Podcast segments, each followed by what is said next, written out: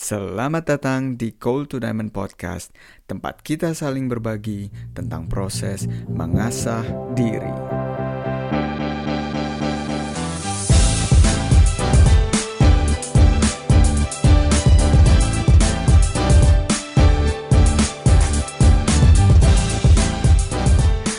Halo teman-teman semuanya, back at it again bersama gue Bayu di Cold to Diamond Podcast. Semoga kabar kalian baik-baik aja ya. Di episode kali ini gue bakal ngobrol sama seorang teman yang karyanya udah gue lirik sebenarnya dari tahun 2017. Tapi sampai sekarang ini sayangnya gue belum dapat kesempatan untuk bisa ketemu langsung dan sharing-sharing sama dia. Dia ini sekarang seorang mahasiswa yang lagi ngejalin S2-nya di Berlin di samping kerja, eh di samping kuliah dia juga bekerja. Sedikit cut. Di samping kuliah dia juga bekerja dan punya kesel kupret bentar bentar.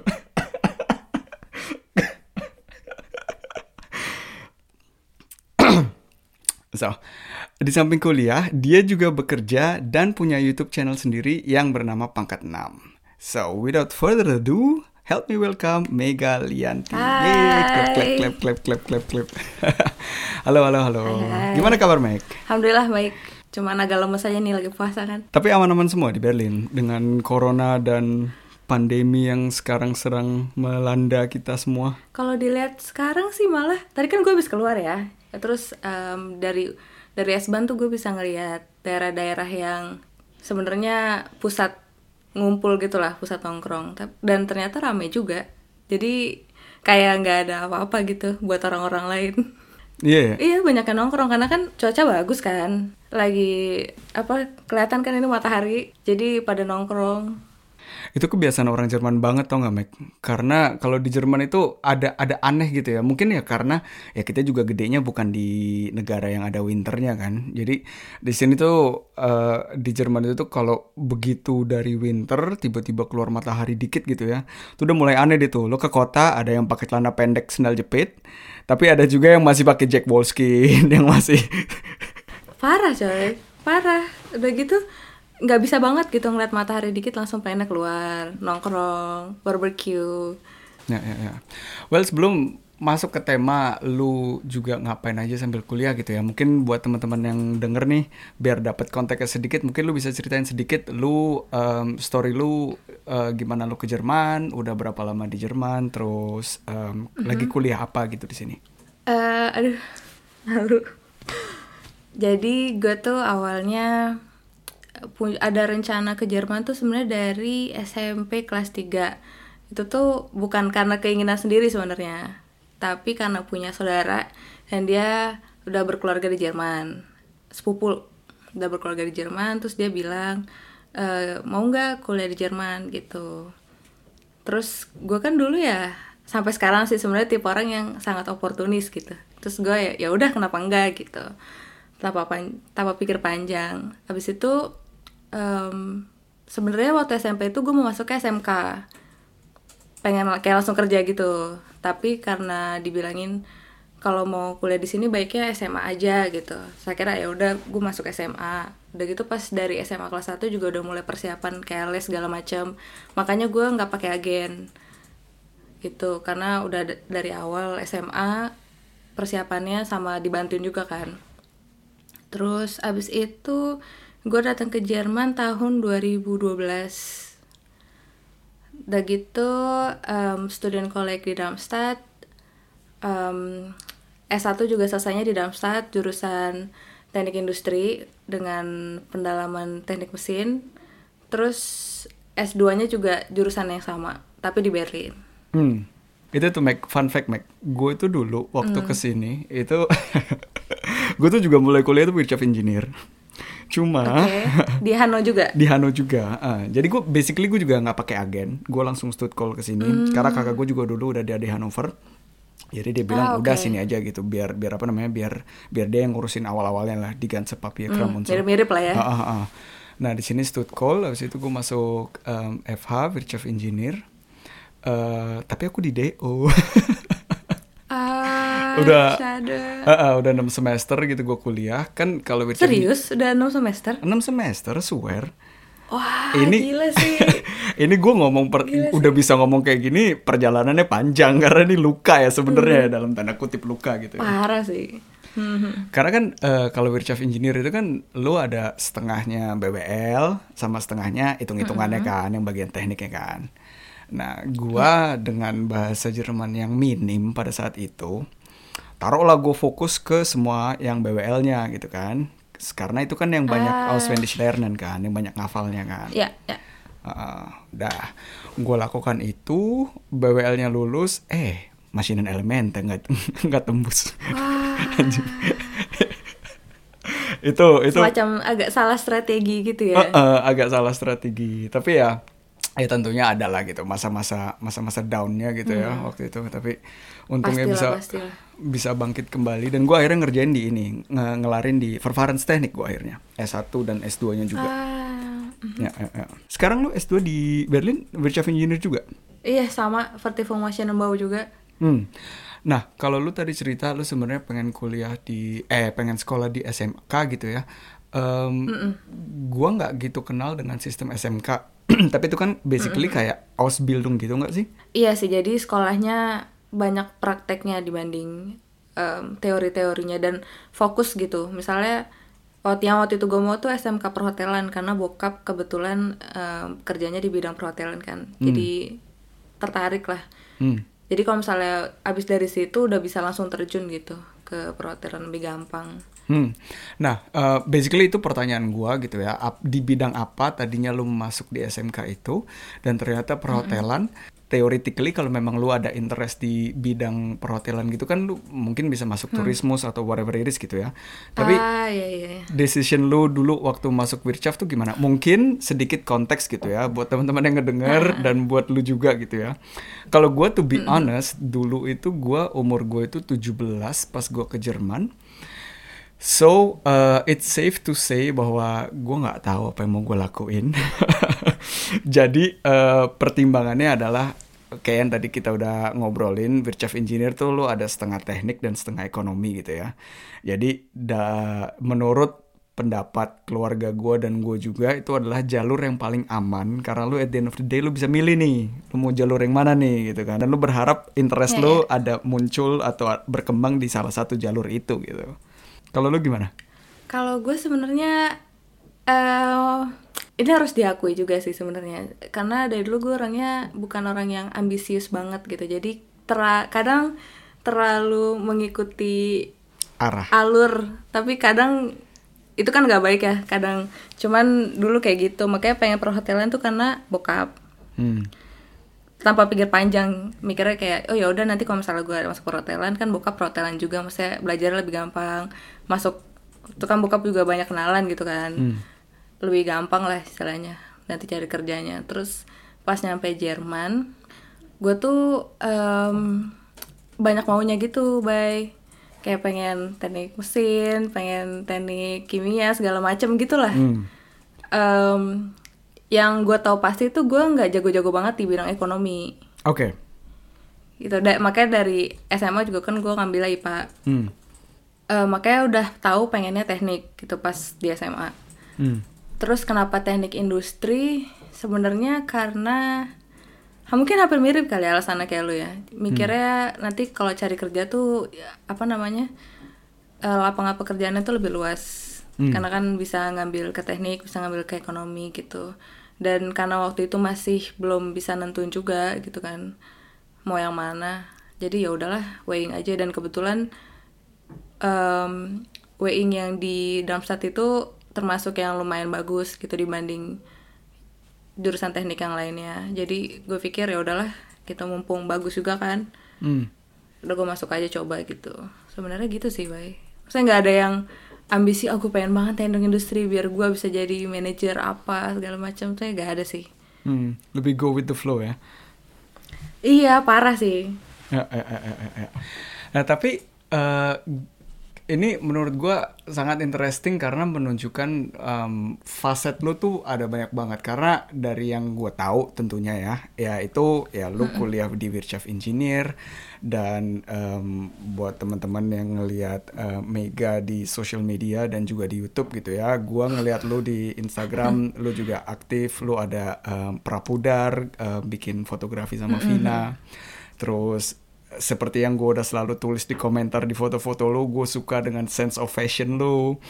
Terus dan yang Thank you, thank you. yang menonjol tuh juga eh, YouTube lo dengan em, subscriber 11.000 ribu hampir 12.000 ribu itulah ya dengan dengan youtuber pangkat 6 ini ya gitu ya. Nah pertanyaan gue itu em, ada ini nggak sih ada kayak clash of interest gitu nggak sih karena em, yang gue bisa bayangin gitu. Gue mungkin agak sedikit beda sama lu gitu ya. Gue gua nggak ke ambisius tapi gue ke gue ngerasa gue harus punya plan supaya gue tidurnya tenang. Ngerti nggak lo dan itu juga nggak sehat gitu loh. Karena ya sebenarnya apa sih yang bisa lu plan gitu loh? Lu kadang-kadang gue nggak aja nggak tahu malam ini gue makan apa gitu kan apa yang terjadi gitu loh. Tapi lu mau sok-sok bukan sok-sokan lu mau gue mau mencoba untuk mengeplan hidup gue gitu loh.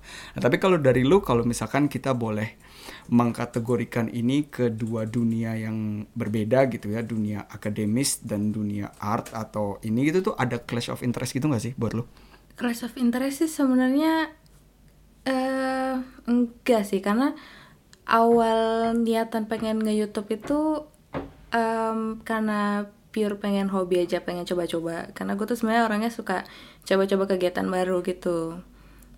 Karena em, beberapa tahun sebelumnya sempet ikut-ikutan. Waktu Instagram lagi hits-hitsnya tuh lagi apa ya, lagi berkembang berkembangnya sempat diikutin banyak sama teman-teman.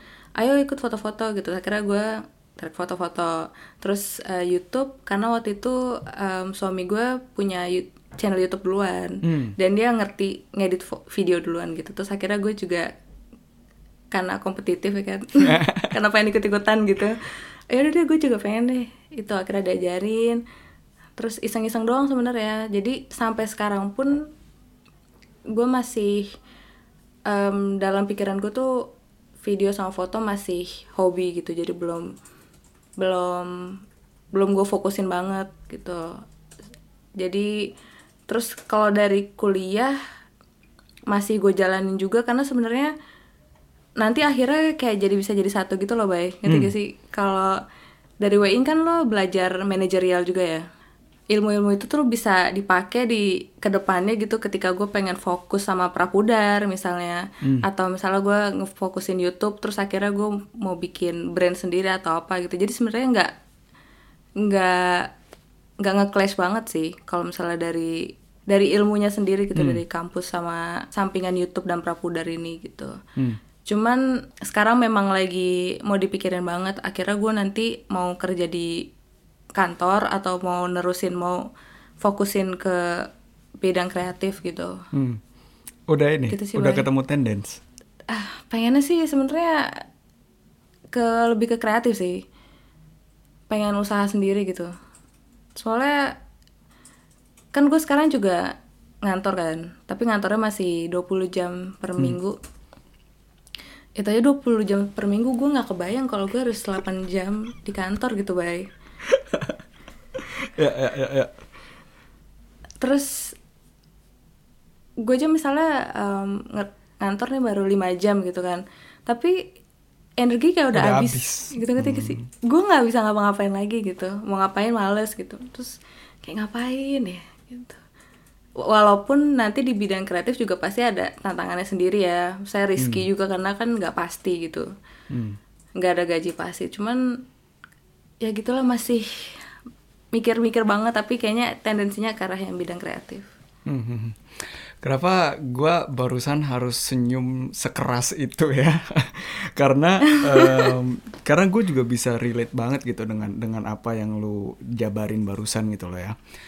Jadi em, kalau gua tuh gue sekarang udah dua tahun kerja atau sempet sempet kerja sekarang dua tahun di di dunia di dunia apa yang gue kuliahin gitu ya. Dan seperti yang lu bilang gitu loh. em, 8 jam duduk dan lu mengerjakan sesuatu em, itu sebenarnya di bidang apa pun itu kalau lu tidak tertarik gitu ya abis Mac lu lu lu lu akan at one point gitu lu akan duduk dan lu cuma menerawang doang gitu. "I- ini kayak gini sampai apalagi kalau di Jerman ya. Orang Jerman tuh sangat high of rente. Jadi mereka kan selalu mikirnya anjing gue sekarang umur berapa? Dikurangin nanti gue kerja mesti sampai umur 65 jadi orang mikirnya anjing gue sekarang mesti 30 tahun lebih lagi kerja kayak gini. Nah itu it's unvorstellbar gitu loh again gitu loh gua gua, gua kagum dengan orang-orang kayak lu yang punya sense of artnya yang juga tinggi gitu ya dilihat dari hasil-hasil karya lu gitu loh. Dan gua em, gua gua pengen nyobain ke ke hal itu juga gitu loh. Tapi gua nggak pernah membangun itu sebagai dalam tanda kutip side hustles gua selama gua lagi kuliah. Jadi basically ini gue lagi di momen banting setir, Mike. gue bener-bener apa? Gue berhenti gitu ya dari dunia pekerjaan dan gue mencoba untuk like um, at least untuk mencari tahu gitu loh apa sih interest gue Iya. dan bisa didalemin sedalam apa gitu loh. Karena gue gue nggak mau mati penasaran dalam artian what if gue mencoba ngedalamin passion gue what if gue mencoba mencari passion gue gitu loh. Nah itu itu yang makanya kenapa gue juga tadi in- interested banget gitu ya dengan tendensi lu mau ke mana. Karena banyak banget story kebanyakan orang tuh yang yang gue kenal gitu ya. Mereka ini udah kreatif nih. Mereka selama mereka kuliah karena ada waktunya juga gitu ya kalau dibanding lu kerja full time mereka building something. Nah begitu kelar kuliah itu udahan gitu loh. Udahan tentunya gue juga tahu gitu loh buat mereka itu berat untuk tidak melakukan hal-hal yang mereka juga enjoy gitu ya tapi ya dalam tanda kutip selalu stempelnya itu tuh gue sekarang masuk ke chapter hidup baru Hmm. Nah, itu yang menurut gua sebagai orang yang mencari nih passionnya apa, wah itu sih sayang banget. Itu sayang banget gitu loh. Kalau gua ngeliatin YouTube video lu gitu ya, itu ada ada dua tema yang yang yang lumayan menggelitik di gua. Yang pertama itu fun fact, gua nggunain bullet journal gara-gara video lu. Oh wow. Swear, Itu berguna banget sih. gila. super berguna. ya, ya. Eh, itu yang nomor satu dan yang nomor dua itu gue tertarik waktu lu ngobrolin tentang zero waste.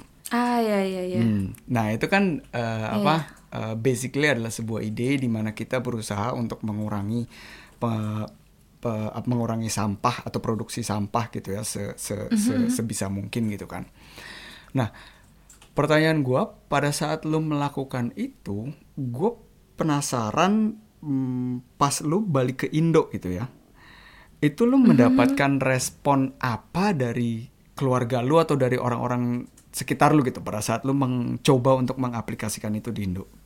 Pastinya kalau kayak gitu masih dibilang aneh kali ya, Bay. Hmm. Karena eh, kalau di Indo tuh mungkin gue ngeliatnya terlalu dimanja gitu. Hmm. Dan gue juga ngerti kenapa mereka susah buat beralih ke gaya hidup yang lebih um, soal reducing waste itu karena Hmm. em, misalnya lu belanja apa-apa udah langsung dikasih plastik kayak gitu-gitu loh, Bay. Istilahnya lebih gampang lah dibanding lu harus bawa tas sendiri atau lu bisa bawa keranjang sendiri atau apa pun itu. Hmm. Terus em, untuk mengubah prinsip mereka kan harus ada jalan yang memudahkan mereka lah intinya. Yang mereka tuh bisa lihat oh ini emang menguntungkan nih buat gue gitu. Gue jadi nggak banyak kerjaan. Dan itu kan nyatanya enggak gitu. Kalau di reducing waste lo justru harus melakukan hal yang lebih gitu dibanding biasanya ya kan? Hmm. jadi eh, masih masih dibilang aneh sih dan masih susah diaplikasikan bay Hmm. Hmm. Hmm. Hmm.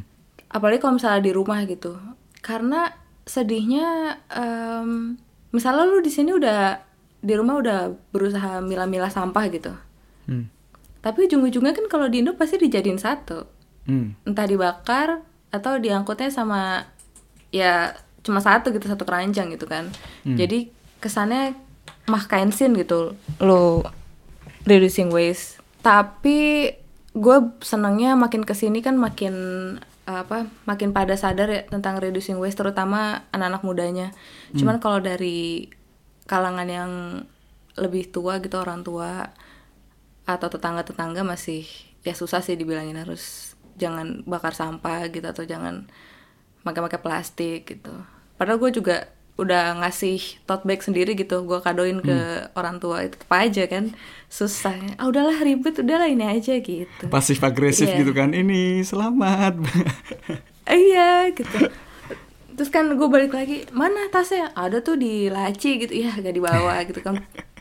Sayang aja gitu padahal udah dikasih tahu. Cuman kayak yang sempat ada apa tuh namanya yang rame sedotan besi itu Hmm. itu kan anak-anak mudanya udah mulai makin sadar gitu cuman karena di Indonesia masih banyak jajanan pinggir jalan gue juga kadang mikir susah juga sih buat Hmm.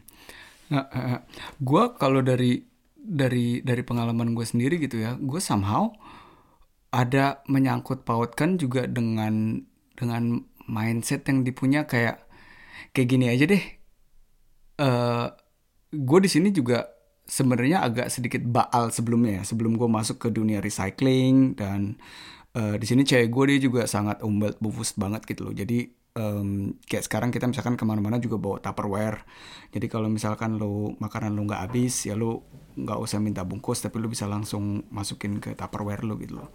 Nah, yang gue yang gue rasain tuh di Indo di lingkungan terdekat gue gitu ya kayak masih ada rasa malu tau nggak lo ya iya iya. Kayak ih lu ngapain sih? gitu. Makanan udah tinggal dikit gitu ya mau mau di sedangkan yang gua sekarang mikirnya tuh udah ini makanan emang tinggal dikit lu cuma punya dua pilih lu punya tiga pilihan nih. Lu bungkus pakai plastik atau lu paksa makan padahal lu udah kenyang atau lu harus buang. Dan biasa orang milih buang makanan Iya. karena eh, ya udahlah ya gitu ya gitu. Nah itu itu ini sih apa namanya musuh mindset yang yang ini banget gitu loh. Salah banget sih. Gue juga suka balik lagi nih ya ke tema YouTube dan kawan-kawan gitu ya. Makanya gue juga ngeliat apa yang lu produce gitu ya sebagai content creator di YouTube terutama di video itu gitu. Gue ngeliat komen-komennya dan banyak tuh yang ngomong gitu kan oh iya gue udah coba ini gue udah coba itu gitu kan. Menurut lu Mac ya kalau misalkan lu pengen memberikan impact yang positif gitu ya kepada orang lain gitu ya. Menurut lu pribadi tuh bakal lebih bisa melalui seni atau melalui sains sih Mac balik lagi ke tema yang tadi dua ya dunia kreatif itu ke arah yang seni atau lu kerja di dalam tanda kutip pabrik yang ngurusin sampah gitu misalnya gitu. Eh gimana ya? Mungkin aduh kalau dibandingin susah sih sebenarnya. Sama pentingnya sih baik karena em, yang di pabrik itu kan mereka em, mencoba menyelesaikan masalah sampah yang udah ada gitu. Sedangkan kalau yang di bidang seni itu mereka bisa menginfluence orang-orang buat ayo dong cegah gitu sebelum ada sampah gitu. Kita ngurangin lah at least gitu. Jadi menurut gue paralel ya paralel sih. Soalnya apalagi kan anak muda gitu kan mereka kan siapa yang ya kenyataan aja sih siapa sih yang di Indo yang melihat pamflet dari pabrik gitu misalnya atau ngeliat-ngeliat iklan pabrik kan atau website pabrik kayaknya jarang banget. Mereka kan standish sama sosial media YouTube Instagram segala macam. Jadi sebenarnya content creator tuh bisa bikin impact yang cukup besar gitu kalau misalnya dipakainya bener gitu Hmm. Kalau gue boleh tahu lingkungan lu gimana, Mac? Tentang apa namanya? Tentang apakah lu ada satu satu opini gitu, probably dari keluarga gitu ya, pro- opini yang paling kuat, yang kayak ngarahin lu, lu mendingan jalan ke sini atau lu mendingan jalan ke sini gitu. kebetulan kalau keluarga gue tuh em, bebas gitu ngelepasin dari dulu dari sekolah gitu terserah lu mau masuk SMA mana lu mau kuliah apa gitu terserah asal yang baik ya jangan yang Ya. buruk-buruk gitu mereka sih ngebebasin 100% dan dukung-dukung terus gitu alhamdulillahnya terus suamiku juga selalu dukung terus gitu cuman lebih ke bidang usaha kali ya bidang kreatif gitu pun dari gonya sendiri juga pengennya kayak gitu Hmm. hmm, hmm, hmm. untungnya mereka support terus sih jadi kebetulan kayak kayak mertua gue gitu. Dulu dia sering nonton video gue terus bilang iya seru ya kayak gitu gitu kan jadi gemas gitu ya. Jadi, oh iya deh jadi semangat. Maksudnya kalau misalnya orang yang umurnya lebih jauh di atas kita nganggep itu baik kan berarti mungkin emang isinya baik gitu loh baik Ya, gak sih? ya, ya, ya, ya. aman lah gitu terus bermanfaat. Ya. jadi gue mungkin makin pengen ke arah situ gitu. Karena sebenarnya gue ngeliatnya jalannya luas banget sih kalau misalnya di bidang kreatif ini. Kalau misalnya benar-benar ditekunin gitu lu bisa bisnis bisa bikin campaign apa gitu terus Macem-macem ya. bisa ngelakuin hal-hal positif gitu. Kalau misalnya kerja sulit sih bay. Karena lo nggak bisa ngelakuin apa yang lo mau gitu. Lo terkungkung dalam peraturan gitu. Dan nggak semua orang bisa happy gitu kayak gitu. Ya, ya, ya, ya, ya. Kalau kita ngomongin tentang support system atau karena gini, em, tadi lu juga udah udah udah udah ngomong tentang tentang pasangan lu, tentang suami lu. Lu baru merit baru sekarang hampir setahun ya? hampir eh, dua bulan lagi eh tiga bulan lagi deh tiga bulan Ya, lagi ya. setahun ya, ya, ya. Nah, ini yang gue juga eh, cer- maksud gue kalau lu mau share aja ya gitu ya. Karena gini, gue punya sebuah gambaran dari lingkaran yang lingkaran pertemanan gue dan lingkaran lingkaran orang-orang terdekat gue di Indonesia gitu ya. Bagaimana em, orang-orang Indonesia atau bagaimana kehidupan setelah pernikahan atau ya dalam tema pernikahan itu di Indonesia gitu ya dengan kulturnya yang sangat berbeda di Jerman gitu loh. Dan em, for example yang hal kecil aja gitu ya. Kayak em, Danu misalnya share di video kalian gitu bahwa oh iya gue biasa di sini di sini juga biasa bersih bersih sendiri masak sendiri gitu loh. Which is like buat kita mungkin yang di Jerman itu like selbstverständlich. Tapi Ya. buat yang di Indonesia itu tidak selbstverständlich gitu ya. Nah, gua juga karena gue belum merit, gua nggak tahu sama sekali nih dunia dunia permeritan gitu ya. Em, iya iya. ada nggak sih yang menurut kalian yang eh, kultur-kultur yang di Jerman gitu ya, yang beda sama di Indonesia? Tapi kan gini, case kalian kan kita bukan ngelihat pasangan Jerman dan kita bukan ngelihat pasangan Indo doang gitu loh, tapi ini dua orang Indo, dua individu yang ke Jerman, jadi kulturnya gemix gitu kan. Jadi kalian juga tahu Iya. mana yang mana yang sama atau mana yang beda gitu. Itu ada nggak sih kultur yang yang yang beda sama Indonesia? Eh, kayaknya banyak sih. kayaknya hampir jauh beda malah. Gak tau sih ya. Soalnya makin banyak juga kan di Indo pasangan-pasangan modern gitu. Cuman kalau misalnya patokannya dari eh, rumah tangga em, orang-orang yang misalnya orang tua kita gitu kan atau yang agak lebih tua dari kita lah gitu. eh agak jauh sih gue juga sering ngomongin sama suami gue gitu karena itu yang tadi sempat lo sebutin em, masih di Indo tuh masih merasa tabu kalau cowok melakukan pekerjaan rumah misalnya sedangkan di sini karena kita berdua dulu ya sendiri apa apa harus sendiri gitu kan udah biasa masak cuci piring pokoknya beberes segala macem. Dan ketika bareng ya kayak nggak ada yang berubah gitu baik kayak kita masih kita yang dulu cuman bareng aja gitu. Kalau misalnya di Indo mungkin ekspektasi laki-laki bahwa pekerjaan rumah tangga tuh cewek gitu kerjanya cewek. Dan itu sih yang berasa banget. Karena kita sama sekali nggak ada ya kayak gitu gitu. Siapa yang bisa dia yang ngerjain gitu kan kalau di Indo kan ekspektasinya ya lo di rumah lo kan lo yang lo cuci piring gitu kan lo yang masak gitu.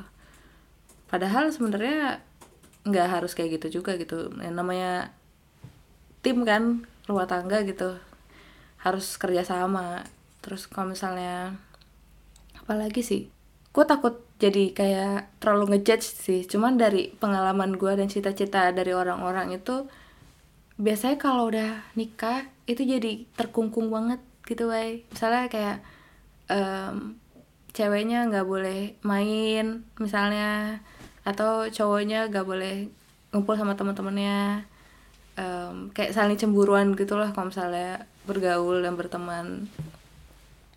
Sedangkan em, kalau di sini kayak at least di rumah tangga gue ya jadi kita bebas aja gitu kalau misalnya mau mengunjungi teman silaturahmi atau mau segala macam gitu. Karena kita mikirnya ya dulu dia sendiri gitu kan ke Jerman banyak temennya masa ya tiba-tiba harus berhenti ketemu ketemu sama siapa-siapa. temennya gitu. Iya gitu. Terus kalau misalnya yang penting komunikasi sih. Kalau di gue tuh lu mau main sampai malam lu mau ketemu siapa asal komunikasi saya basisnya percaya sih.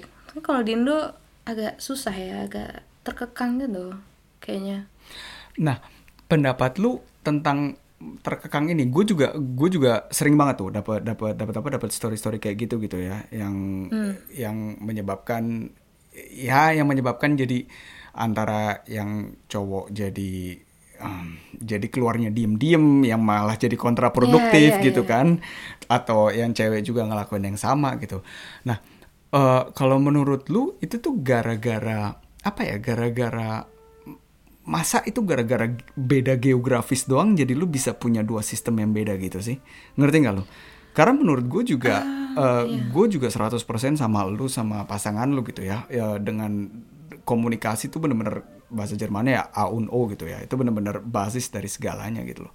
Tapi ya ya itu dia gitu loh. Yang gue bingung tuh kenapa kenapa ya kalau di Indo tuh nggak kayak gitu gitu loh apa ya kayaknya karena kebiasaan sih bay. Gue kalau ngeliat orang Jerman tuh kayaknya dari kepribadian dari nenek moyangnya mereka tuh dididiknya cuek. Hmm. cuek banget ya kan? Terus agak individualistis. Sedangkan di Indo tuh apa ya kesannya lo tuh harus menyenangkan hati orang lain gitu. Hmm. at all cost. Eh, kayak asal bapak senang gitulah kepribadian asal bapak senang. Terus atau mungkin bahasa bahasa kasih sayangnya aja yang beda baik kalau misalnya di Indo tuh mungkin cewek-cewek nganggapnya ya gue tuh pengen banget berduaan terus sama lo gitu. Jadi cemburu segala macam kayak gitu. Em, dan sebaliknya cowok juga bisa kayak gitu kan. Hmm. cuma kalau misalnya di Jerman karena cuek kepribadian cueknya itu sih baik Hmm, yang lebih ini ya, yang yang lebih mencolok iya ya. ya terus kalau di Indo apa ya mungkin aduh gue mau nyinggung ini tapi gimana ya? Tapi harus disinggung sih karena gue kemungkinan juga ada sangkut pautnya sama agama soal baik Hmm, yang menurut gue salah diinterpretasikan. Hmm, jadi kesannya istri tuh harus ngerjain pekerjaan rumah padahal sebenarnya kalau dikaji lebih lanjut tuh nggak se nggak se apa ya nggak se nggak literally harus yang itu yang dikerjain perempuan gitu jadi salah pengertian sih kalau menurut gue dan udah saking turun temurunnya susah banget buat di buat dirubah mindsetnya. Karena misalnya nih kalau misalnya gue sama Danu kehidupan berumah tangga gue kayak gini misalnya. Hmm. terus em, orang tua oke. Orang tua oke nih nggak apa-apa. Tapi ntar tetangga baik kayak suka ikut campur gitu loh. Gak sih? Kepo banget ya. terus iya tetangga terus bilang ke orang tua eh kok gini gini kan gimana ya jadi Iya, iya, iya, iya. jadi aduh emang iya ya anak gue kayak gini gini gini kan bisa kayak gitu Ya.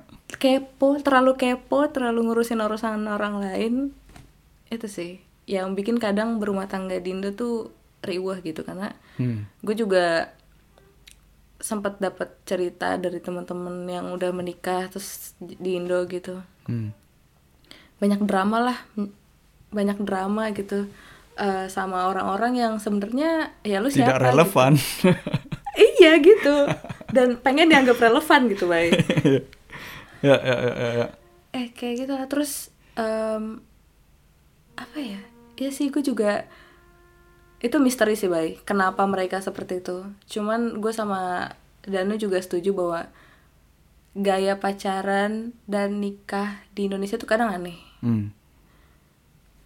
Bahkan dari PDKT gitu yang suka ngambek-ngambekan kode-kodean aduh itu tuh Sangat tidak efisien, sangat tidak Jerman.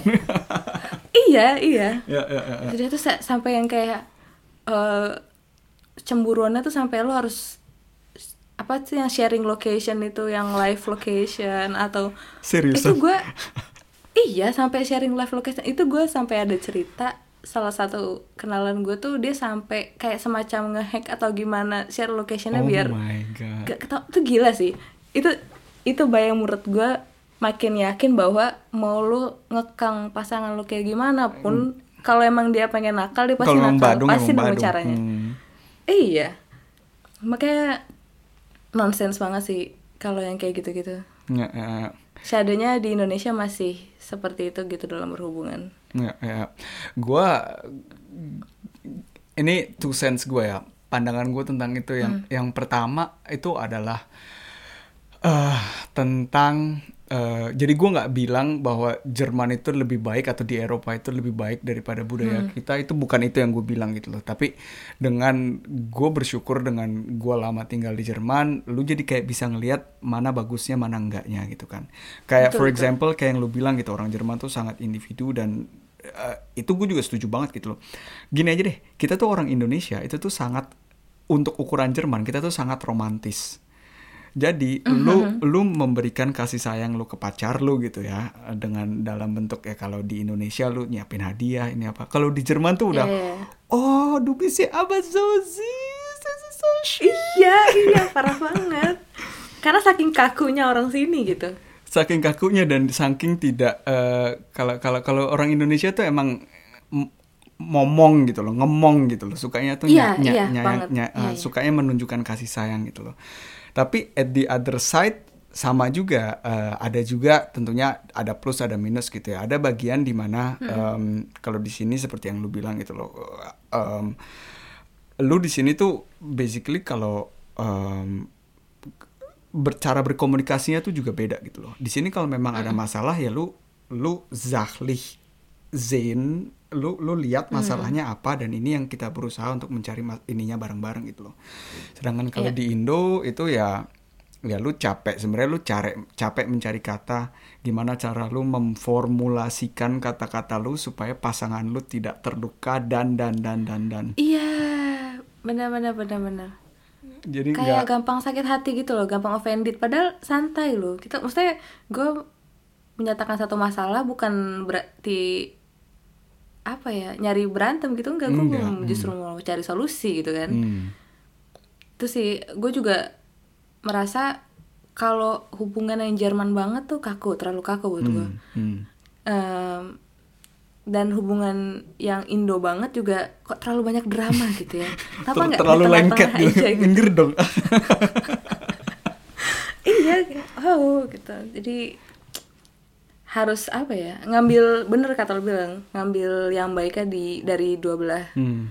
sisi gitu karena kan kita jadi keuntungannya kuliah di sini kan jadi punya pandangan yang lebih luas gitu jadi bisa ngelihat oh ada loh orang yang kayak gini gitu. Terus kepribadiannya kayak gini kebiasaannya kayak gini oh yang ini baik nih gitu. Jadi implementasikan ke kehidupan sehari-hari gitu. Cuman nggak semuanya baik juga yang di sini. Ada juga yang bodoh-bodoh mah. Nah banyak. Itu mah di mana-mana. Di Iya. di, di dunia. Iya, benar. mah ada ada ini sama ada. Ada selalu ada dua sisi. Gila sih gue. iya, gue kalau misalnya ngomongin kan sering tuh kalau misalnya di Twitter gitu ya gue liat-liat kan Twitter lagi rame lagi nih. Hmm. Kayak tiap hari ada aja drama percintaan di Indo yang harusnya gak usah terjadi gitu gitu tiba-tiba. Gak penting banget. Apalagi masalah-masalah kayak rumah tangga kayak gitu-gitu banyak banget, bay. Yang cerita-cerita kalau gue sih mikirnya cerita-cerita apa ya sangat disayangkan sih karena nggak seharusnya kayak gitu Hmm. itu tuh baik rasa nggak enakan. Itu orang Indo menurut gue kalau misalnya terlalu terlalu apa ya terlalu nggak enakan tuh lu bukannya bikin hal situasi lebih baik kadang bisa jadi bikin lebih buruk gitu. Hmm. lo nggak enak misalnya ngomongin masalah ke suami lo Em, atau suaminya lagi ada masalah ekonomi misalnya tapi nggak berani ngobrol ke istrinya karena takutnya ya gue kan laki-laki harus provide semuanya gitu gue harus jadi lebih kuat segala macam segala macamnya justru itu yang harusnya bisa dihindari Hmm. malah makin parah gitu ngumpul ngumpul ngumpul masalah tiba-tiba satu waktu dar gak bisa diapa-apain lagi kan Hmm. gimana juga gitu kalau misalnya dulu pas eh, apa sih persiapan wedding kan gitu sering dapat cerita macam-macam kan tuh dari orang-orang. Ada yang sampai cowoknya rela-relain ngutang tapi ceweknya nggak tahu. Tapi tiba-tiba pas sudah nikah si ceweknya juga Eh, jadi eh, harus bayar eh. utang itu gitu. Wow itu kan harusnya sesuatu yang dibicarakan. Iya itu kan harusnya yang diobrolin dari awal kan. Iya iya. Kayak gitu gitulah yang sering ditutup-tutupin gitu. Kayak gue juga nggak ngerti sih Hmm.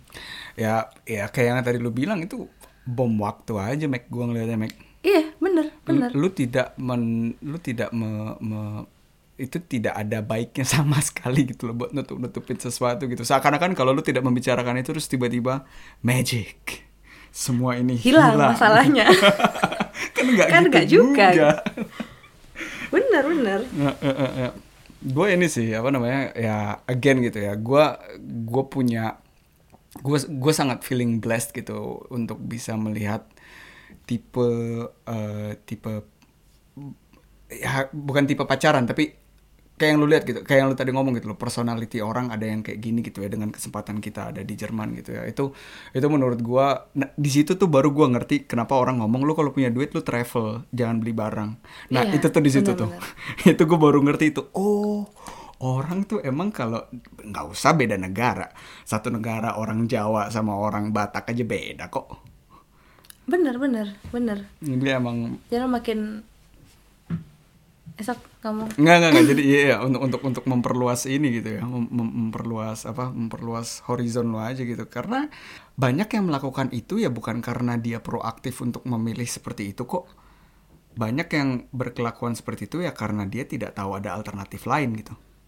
Mhm, mhm. Ngerti nggak lo? Kalau lu dicekokin seumur hidup lu bahwa seorang lelaki itu harus me, mem- apa namanya me- me- me- ini beban keluarga gitu ya harus me, ini ya ya ya gimana lagi?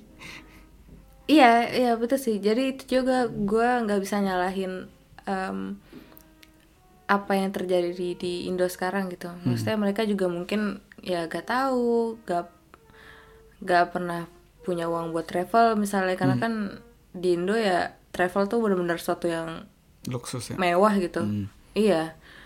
Jadi pikirannya masih di situ-situ aja udah turun temurun dari kakek nenek moyang gitu dituruninnya ilmunya ya itu lo harus senangin suami segala macam suami tuh harus kuat nggak boleh nangis cowok kayak gitu-gitu loh Hmm.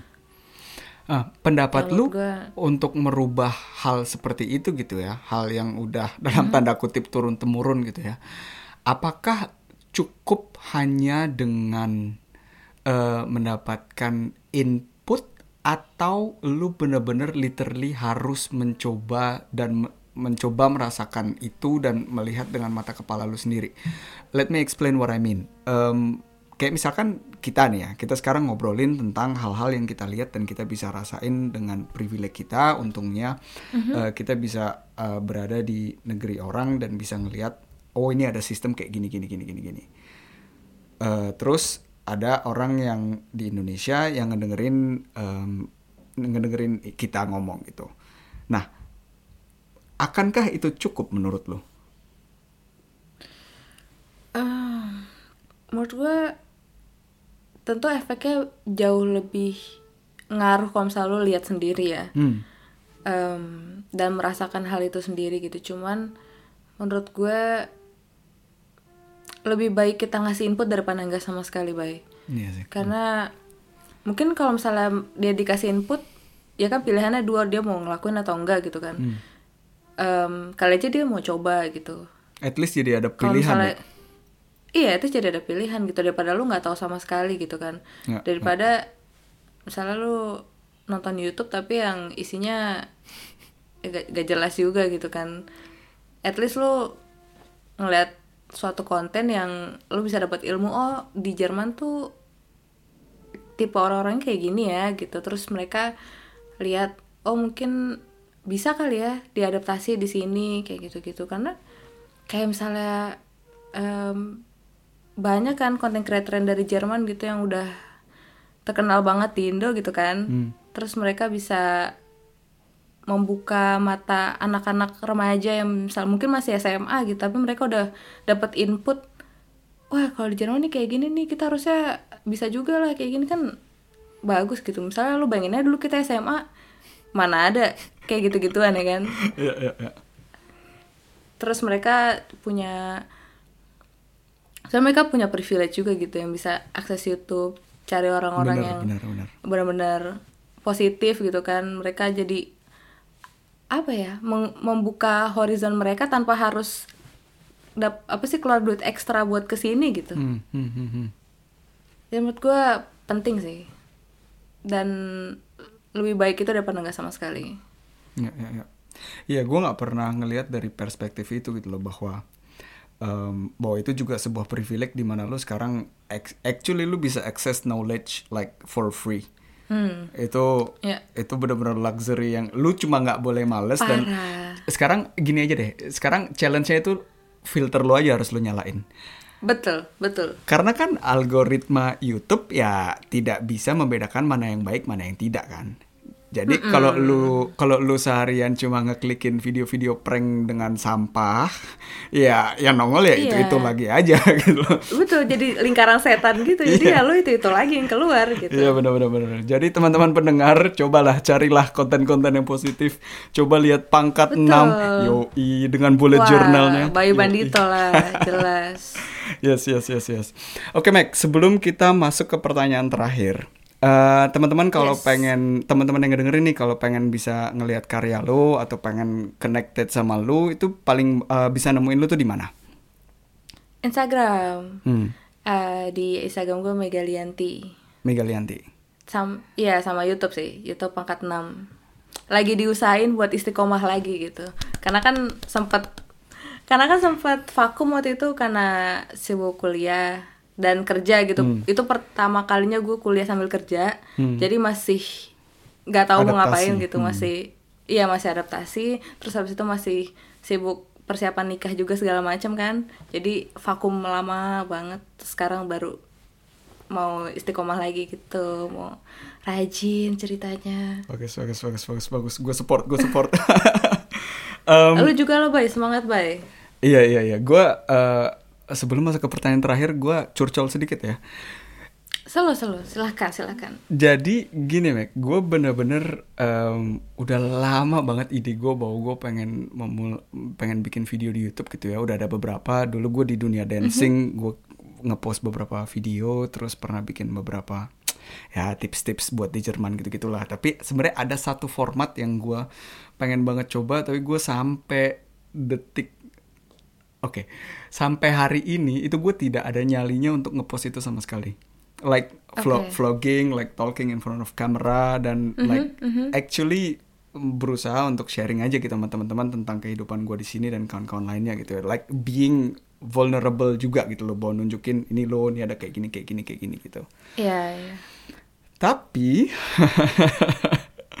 karena gue juga em, karena karena kita juga janjian gitu ya, kita pengen sharing-sharing di podcast ini gitu ya. Kan gue jadi ngelihat YouTube lu juga gitu kan. Mac itu tuh juga jadi kayak the last push yang gue butuhkan. So basically hari ini gue baru ngepost video YouTube gue pertama dengan dengan dengan format yang sudah yang sudah lama gue inginkan gitu loh dan gue juga again kayak yang tadi gue udah share sama lo sekarang gue sedang meng apa namanya menaruh 100% fokus dan energi gue untuk melakukan hal-hal yang gue suka and then yeah we'll see how it goes yes Selamat bay, harus semangat terus bay. Yes, yes. Kadang emang apa ya? Limitnya tuh sebenarnya di diri lo sendiri gitu. Mungkin orang I orang lain sebenarnya ngeliatnya bagus kok kontennya gitu. Cuman kita kayak, aduh, kok gue kayak gak pede, kok gue kayak, aduh, aduh, gue ngapain sih sebenarnya kayak gini gitu. Tapi ada sebenarnya maknanya nggak sini gitu iya parah. Tapi Ya, ya, ya. harus berani sih bay. Bener-bener salut gue salut. Selamat bay. Thank you, thank you, Semoga thank you. lancar terus. Thank you, thank you, thank you. Dan thank you juga ke lu ya, yang sudah secara sadar dan tidak secara tidak sadar basically gitu sudah menjadi part of my own journey. Um, yes, oke. Sebelum gue menetikan air mata, Najfas. Oh, sama nih. Eh, apa eh, pertanyaan terakhir buat lu em, yaitu what is actually your biggest dream right now? Apa mimpi terbesar lo saat ini? Uh, saat ini ya. Wah. Ya. Sebenarnya to be honest gue masih sebagai orang yang oportunis gitu kan. Jadi kebelah-belah banget nih ah gue ngeliat ini ada kesempatan ah gue ngeliat ini gitu jadi masih pikirannya terbelah-belah banget cuman saat ini um, yang pengen banget gue capai adalah pengen jadi pengusaha sih bay Hmm. pengusaha uh, gue pengen bikin satu brand. Dan brandnya tuh masih belum tahu apa cuman kemungkinan entah di fashion atau di bidang gastronomi itu masih terpecah banget. Pokoknya pengen jadi pengusaha dan pengen banget apa ya um, gue sebenarnya gue masih pesimis kalau gue bakal em, apa namanya bisa berkembang lebih jauh gitu. Entah kenapa gue lagi dalam situasi yang pesimis gitulah saat ini gitu. Em, sebenarnya gue pengen banget punya influence yang besar sehingga bisa ngelakuin hal-hal yang positif gitu bay. Buat orang-orang di Indo. Terus em, barengan sama suami gue juga em, kami pengennya bisa apa ya kayak bisa punya sekolah gitu atau punya apa ya apa namanya tuh? Kalau misalnya lu kayak semacam sanggar atau apalah buat anak orang-orang yang membutuhkan kayak gitu itu sih Sil saat ini Sip, sip, sip. Well, Kayak gitu, um, Bay. Tentunya gua dan teman-teman semuanya yang ngedengerin ini mendoakan supaya semuanya menjadi kenyataan dan Amin. tentang impact positif gue udah again gitu loh yang gua kasih tahu ke lu, lu udah memberikan impact positif dalam hidup gua dan tentunya gue yakin banyak banget juga orang yang mendapatkan dampak positif dari video-video dan hal-hal yang lu create di luar sana. semoga semoga Dan Semoga. ya, em, Danu masih ini, masih apa namanya, masih ngerjain tesis.